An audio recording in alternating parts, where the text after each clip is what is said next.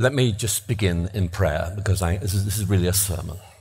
Father, I pray that you, in your strength, would speak through me in my weakness. Amen. So, I'm going to talk to you about a theme that emerges from uh, an encounter of Christ with some of his opponents, which is recorded in Matthew chapter 22, and which Christ is asked this question Is it right to pay the imperial tax due to Caesar or not? And Christ responds with these words. He asks them to bring the coin that they would use to pay this tax. And he asks them, whose image is this and whose inscription? In other words, they hold up a coin. On the coin, there is a head engraved and an inscription. And they reply, it's Caesar's image. And Christ says these words Give to Caesar what is Caesar's, and to God what is God's? And that, in many ways, is the theme of this talk I'm going to give. It's very much about this question of who we really are. Very often, I think we're going through something of a cultural crisis in the West, where we don't really know who we are, and yet we have a sense that deep down, there's something really significant that we might be able to discover. And so, in many ways, we feel we need to know who we are and on what we ground our existence. And this idea of bearing the image of God is really important because we go back to Christ's response to the challenge. Give to God what is God's. Give to Caesar what is Caesar's. The image on the coin is Caesar's. But Christ is asking us this question whose image is on us? Whose image do we bear? And of course, the answer is God. We bear God's image. I want to explore that with you in this talk because I think it's very important to us to begin to get a sense of not simply who we are, but the difference that makes to the way in which we live our lives. It's not just about whose image we bear. It's about deeper questions like who bought us our freedom, who redeemed us, or indeed a deeply relational question who loves us? So let's begin by thinking a little bit about this idea of bearing God's image. The idea of relationality is really important. In other words, that we are made by God to relate, to relate to each other, but above all, to relate to God. And one of the themes that many writers, including C.S. Lewis, link with this idea of bearing the image of God is that human instincts, human longings, all of these originate from God and converge on God. In other words, to use the words of a fifth century writer, Augustine of Hippo, God has made us for himself. And therefore, our hearts are going to be restless until they find their rest in God. And it's this idea that bearing God's image means we find our true fulfillment in God. We are made by God for God. And it's in coming back to God that we rediscover who we truly are and begin this business of living a meaningful life. And it's not simply this idea of individually discovering who we are. Because there's a much deeper image here, which Paul brings out very clearly in that image of adoption. Adoption that we find in some of his letters. We've been adopted into God's family.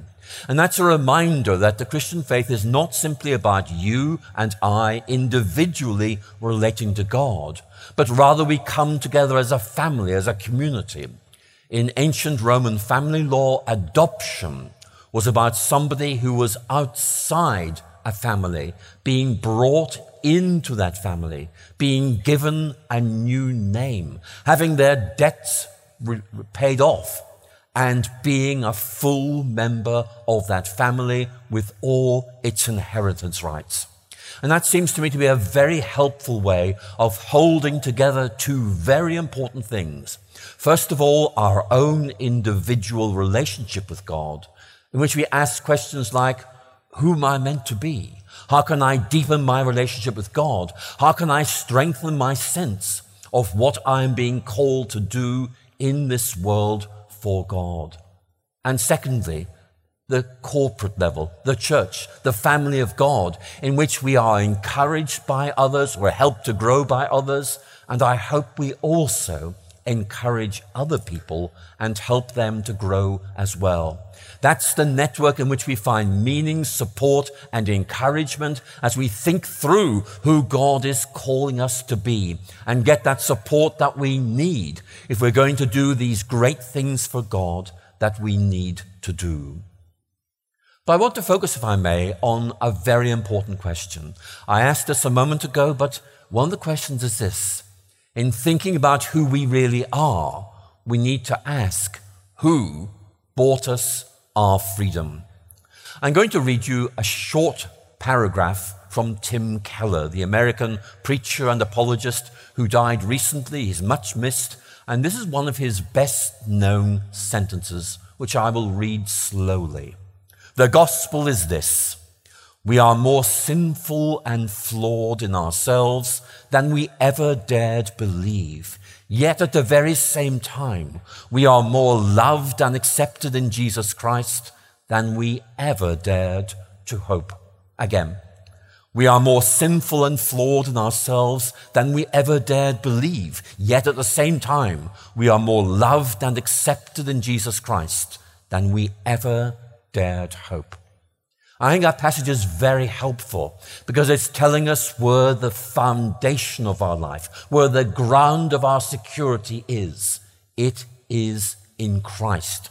He is the rock on which we can build, a ground of stability. Life around us may change, may seem very unstable, but we can ground ourselves in Christ knowing that that brings safety and stability. I think that's a very important point. We live in a world where intellectual, cultural fashions change very quickly. I can remember many of the things that we just took as being obvious when I was a teenager are now seen as what people thought was obvious back in the 1960s, but nobody thinks like that anymore. All of us are looking for something that is stable, secure, that is not going to go out of fashion, that is not grounded in human wisdom or fashion, but is grounded in something real and stable and significant. And that's why the gospel is so important. It's not something we've invented. It's something grounded in God and it reflects his stability and changelessness. In coming to Christ, in joining the church, we are entering into a relationship which we know is not going to go out of fashion because it's grounded in something that really matters. And the key point to bring out so clearly here is that it's not just that we choose to believe in God, it's that God really does love us. He's like the father in the parable of the prodigal son who welcomes his son home from the distant country because of that overwhelming love for us. And the idea of being loved, being valued, is so important to how we understand ourselves. We could see it in the idea of being ransomed. Let me read to you Mark 10 45. You all know this passage very well. The Son of Man did not come to be served, but to serve and to give his life as a ransom for many. A ransom. What ideas does that word evoke within you? I think there are three ideas here. First of all, being held captive. We are, we are trapped. We are unable to break free from perhaps the power of sin, from dangerous relationships, from hopelessness, from despair. All these things are important, distant countries. And God is the one who calls us home and gives us our freedom. Because this is a very important theme. We are trapped without God. We find that we are unable to do the things that we know to be good, and we're unable to stop doing the things that we know that they are evil. But Christ is the one who is able to break that power. But also, He is the one who pays the price that allows us to go free. The one who buys our freedom. And certainly in the ancient world, when this analogy was used, the more important you were as a captive, the greater the price demanded for your freedom. And I'd like you to reflect on this. Christ gave his life for each of us in order to enable us to go free. Do you see how much you matter to Christ? He gave his life for you because you matter in order to enable you to live a meaningful, purposeful life. That is the joy of the gospel. Christ comes to bring us freedom and the hope of eternal life. And that leads us into the third theme of this idea of ransom. Not just about being held captive and somebody paying a price so we can walk free. We walk into a new freedom which we appreciate all the more for having been captive in the first place. When you're in captivity, you appreciate freedom all the more. And sometimes I think we take that for granted. This idea of being loved by Christ is integral to our identity. Let's think about the crucifixion narratives in the gospel. Here's what the crowd said as they watched Christ dying on the cross. I'm quoting from Mark chapter 15, verse 30, the crowd shout out, Come down from the cross and save yourself. Of course, they were making fun of Christ. But the point I'm going to make is this they asked him to come down and save himself, but you and I know what really happened. He stayed on the cross. He didn't save himself, he saved you and I instead. And again, that's why so many Christians find it helpful to look at a picture or a drawing or an image of the crucifixion and just say, He did that for me. And I really matter to Him. And so my question is, what can I do in order to show my love for God. And in many ways, that's what Christian service is all about. It's a natural response of gratitude and delight. This is what Christ has done for me. I'm now going to do something for him. And each of us has to think through what is it that we are called to do. The idea of being called is enormously important. It means that we have a sense that maybe Christ is laying a burden on us, saying, This is what I want you to do. Or maybe we're still trying to find what we think we're meant to be doing. But the important thing as we think this through is that there's something you can do that maybe nobody else can do, and you can do it for God's glory and it will bring you a deep sense of satisfaction at knowing you have served God. I'm a theologian. I often think about the crucifixion, and very often I say to myself, look, I, I don't really fully understand. It's just too much to take in. But what I can say is this I can say, Thank you, Christ, for doing this for me and for others. And now I'm going to find some way of paying you back for this. And in many ways, that's why it's so important to understand that no matter what anybody else thinks about us, each of us is precious to Christ. And that's a very important image in Christian spirituality, as you will know. This sense of being loved, held in his arms by Christ, because we matter so much to him. It's something we just need to say. Without that, really, we're lost. But it is integral to the Christian faith. This sense of being enfolded in the love of God, knowing that Christ died for us, and knowing we can do something in response for Him. And also, I think, leads into the question of relationality. Because again, as I was saying earlier, who are we? Well, we're made to relate to God. And we're meant to relate to God, and we're not fulfilled until we do so. And sure that from time to time there are other things that will um, grab our attention, but nevertheless we keep coming back to God. And that is so important, I think, in terms of talking with people outside the faith, outside the church, because many of them are looking for something that will really satisfy. They're like the merchant in that parable in Matthew chapter 13, the parable of the pearl of great price, looking for something that will finally satisfy their deepest longings, only to discover that so often what they thought would satisfy simply doesn't. And they begin to look for something else. And this, I think, is one of these great themes of the Christian faith.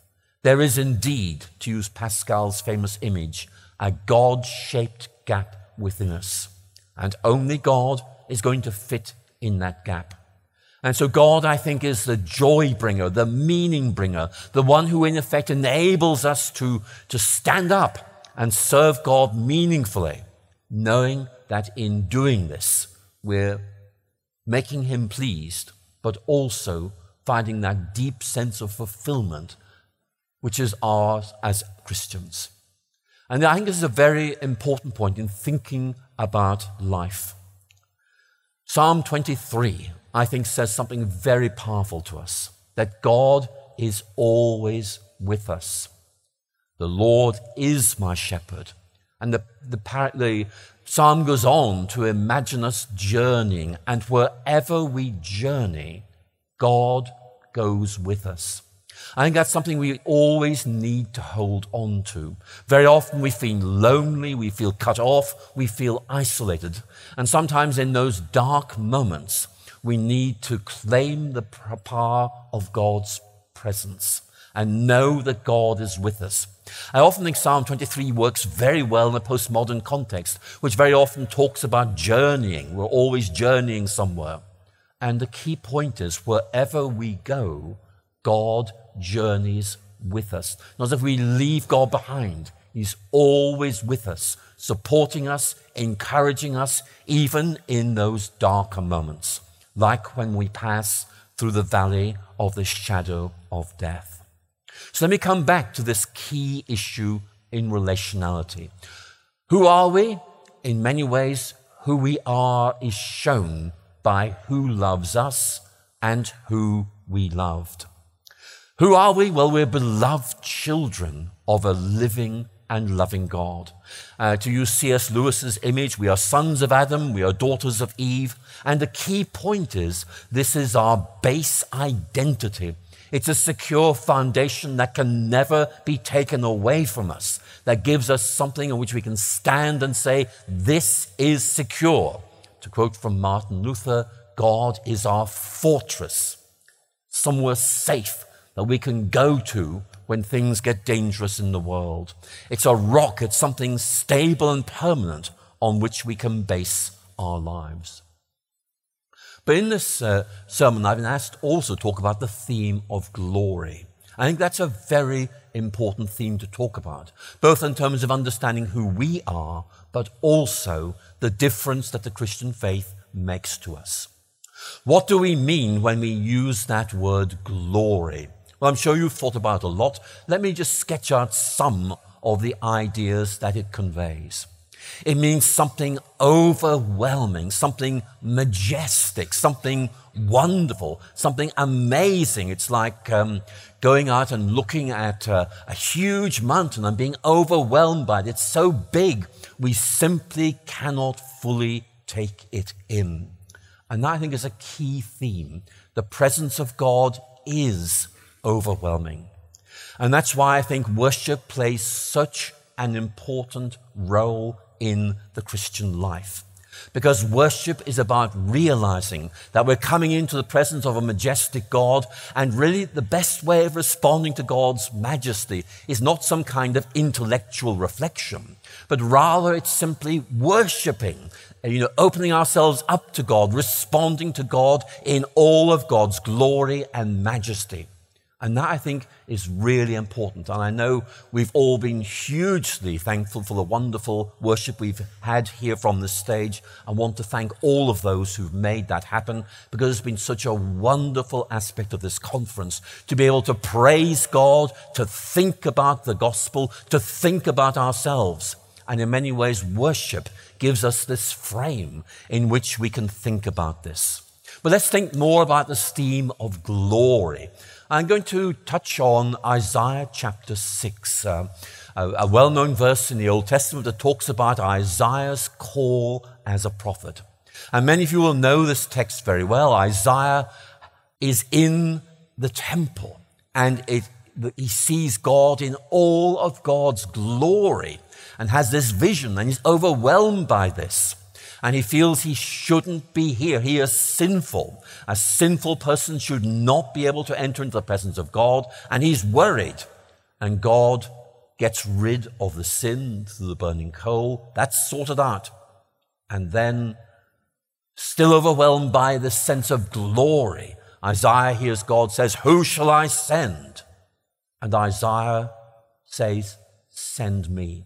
That this vision of glory both reminds him of his sinfulness, but also impels him, gives him this vision of what he could do. He wants to go and serve God because he's caught a vision of glory. And my prayer would be we'd all catch a vision of that glory because it gives us that sense of excitement about our faith and also it helps motivate us to go out into the world and serve God with joy and in strength. It's all about recognizing our sin, but also trying to discern our vision for what it is that God wants us to do. And I think this conference will help all of us build our vision for who we really are and also what it is that we, either on our own or with others, will be able to do for God. And we can tell other people about, to use this image from Lewis, this great story of which we are part, but a story that is porous, that is open, that there, there is space for others to step in and say, This is my story as well. And that's one of the reasons why I think it's so important to be willing to tell your story. The story of how you came to faith or how your faith helps you or how your faith expresses itself in who you are, because that will help others to say, I'd like to step into that story as well and gain the sense of being loved, finding meaning, which is such an important element of our faith. And of course, as we join that story and journey in faith, there'll be others who will help us. We don't journey on our own. It's not a solitary pilgrimage. It's about the people of God walking together, the strong supporting the weak, and each of us telling each other things that will encourage, things that will help us to keep going. And that I think is one of the reasons why it's so important to keep remembering. It's not just me on my own. It's me and the people of God, and we help and encourage each other as we try to keep going and do things collectively for God that maybe we could never hope to do individually. And one of the things I want to suggest you think of doing is finding traveling companions. Not just people you know and love who will help you and see you through things, but people like, well, C.S. Lewis, maybe Francis Schaeffer, maybe you'd like to add other people to that list who you read and say, that's helpful. I'm going to take them with me, at least for a while, as I begin to grow in my faith and maybe you'll find somebody else later, but it's always good just to have these traveling companions with you because they help you. They point out things you may have missed. They express things in ways that might really help you. And then, like a relay race, perhaps they hand over to someone else to take you on the next phase. And each of you has a real role to play in this, helping to, um, if I can put it like this, helping others to keep going on the journey by encouraging them. And one of the things I think is so important about this conference is that it's transgenerational. It's about maybe older people with the wisdom of having lived a long time telling you what they found helpful, but younger people with their enthusiasm, with their openness, with their joy, in effect reinforcing the faith of older people. It's so important. And talking across generational boundaries really is helpful to all of us in thinking about our faith. But of course, many of us will feel, look, there is so much that needs to be done, so many things that we need to think about. How on earth are we going to be able to cope with this? We very often, when we see the tasks that lie ahead of us, either as individuals or as a community, we very often feel a little bit overwhelmed and a little bit discouraged. And so I think it's rather important that I end this sermon by trying to encourage you.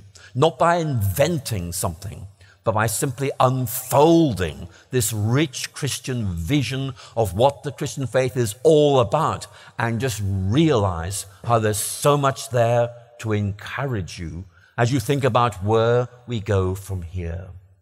Let me begin with words that the Lord spoke to Paul when Paul was going through a difficult time. This is described in the, um, ninth, the 12th chapter of Paul's second letter to the Corinthians. And Paul was suffering from what he called a thorn in the flesh. We don't know what it was. He may have been ill, but something happened which made him realize his fragility, his, his uh, weakness, and raised the question can I do anything meaningful for God? I think all of us feel weak at times. All of us feel, I think, rather inadequate when we think about so many things that God would like us to do. We just very often feel I don't think that's for me. I don't think I'm up to that. And I respect that completely. But we need to say there's a different perspective we can understand on this. And these are the words that the Lord spoke to Paul, which encouraged him. And I'm going to say, I think they will encourage us as well. My grace is sufficient for you. My strength is made perfect in weakness. Again, my grace is sufficient for you. My strength is made perfect in weakness. Very often, when we, when we trust in our own strength, we, we tend to get things wrong. And it's a reminder, I think, that God is there to help us in those moments. That maybe it's when we are weakest, we begin to realize all the more that God is there with His strength to uphold us, to support us, to direct us as we try to work out what best we can do for God. So I think we need to take encouragement from that. Here is Paul, who I think we can all agree did some rather wonderful things, expressing weakness. And God saying back, No, you've got my strength, and I'm with you. Let's take that away. We are not on our own. We're in the presence of a God whose grace is sufficient for each of us and whose strength is made perfect even in our weakness. But there's more to it than that. There's this reassurance that God is faithful. Very often we don't quite understand everything that seems to be going on around us, but we all know we need someone or something that we can trust, that we can rely on. And again, that's something we need to take to heart. This is from 1 Thessalonians chapter 5 verse 24. Many of you again will know this text, but let it speak to you this morning. He who calls you is faithful, and he will do it. And you might think about that. Can you point to a moment where you felt God was perhaps calling you? For some of us, it's a moment where we suddenly feel I'm being moved in a new direction. Sometimes it's someone speaking to us and we realize that someone is speaking through them. Or sometimes it's a process, but we all know some way God is behind that. He who calls you is faithful. He will do it. The person who loves you, who's called you, will be with you, will guide you as you try and find who you really are and what is you're meant to be doing. And the key point for me is wherever God gives his people a task, he also gives us the resources we need to meet that task. And I think above all of the Great Commission, when Christ says to his disciples, Go and make disciples of all nations. Now, in English, we'd say that's a big ask. You know, that, that's, a, that's a tough one. but notice what comes next. That's the task. Here's the promise I am with you always, even to the end of the age. And that's, I think, what we need to remember. We are going into an unknown future. Yes. But we are going into that unknown future in the presence and power of a known and trusted God who is going to journey with us wherever we go. And hold that in your hearts. The future's out there. We're not sure what it is.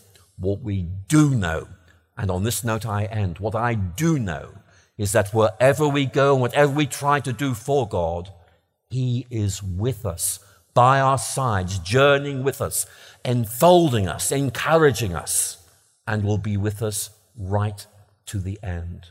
Please be encouraged by that. There is so much that needs to be done. And I believe there are many here today who will be doing those great things. But we can rejoice. We're not doing them in our own strength, but in the presence of this loving and living God who has called us and will be with us all the way through, right to the end. Thank you for listening.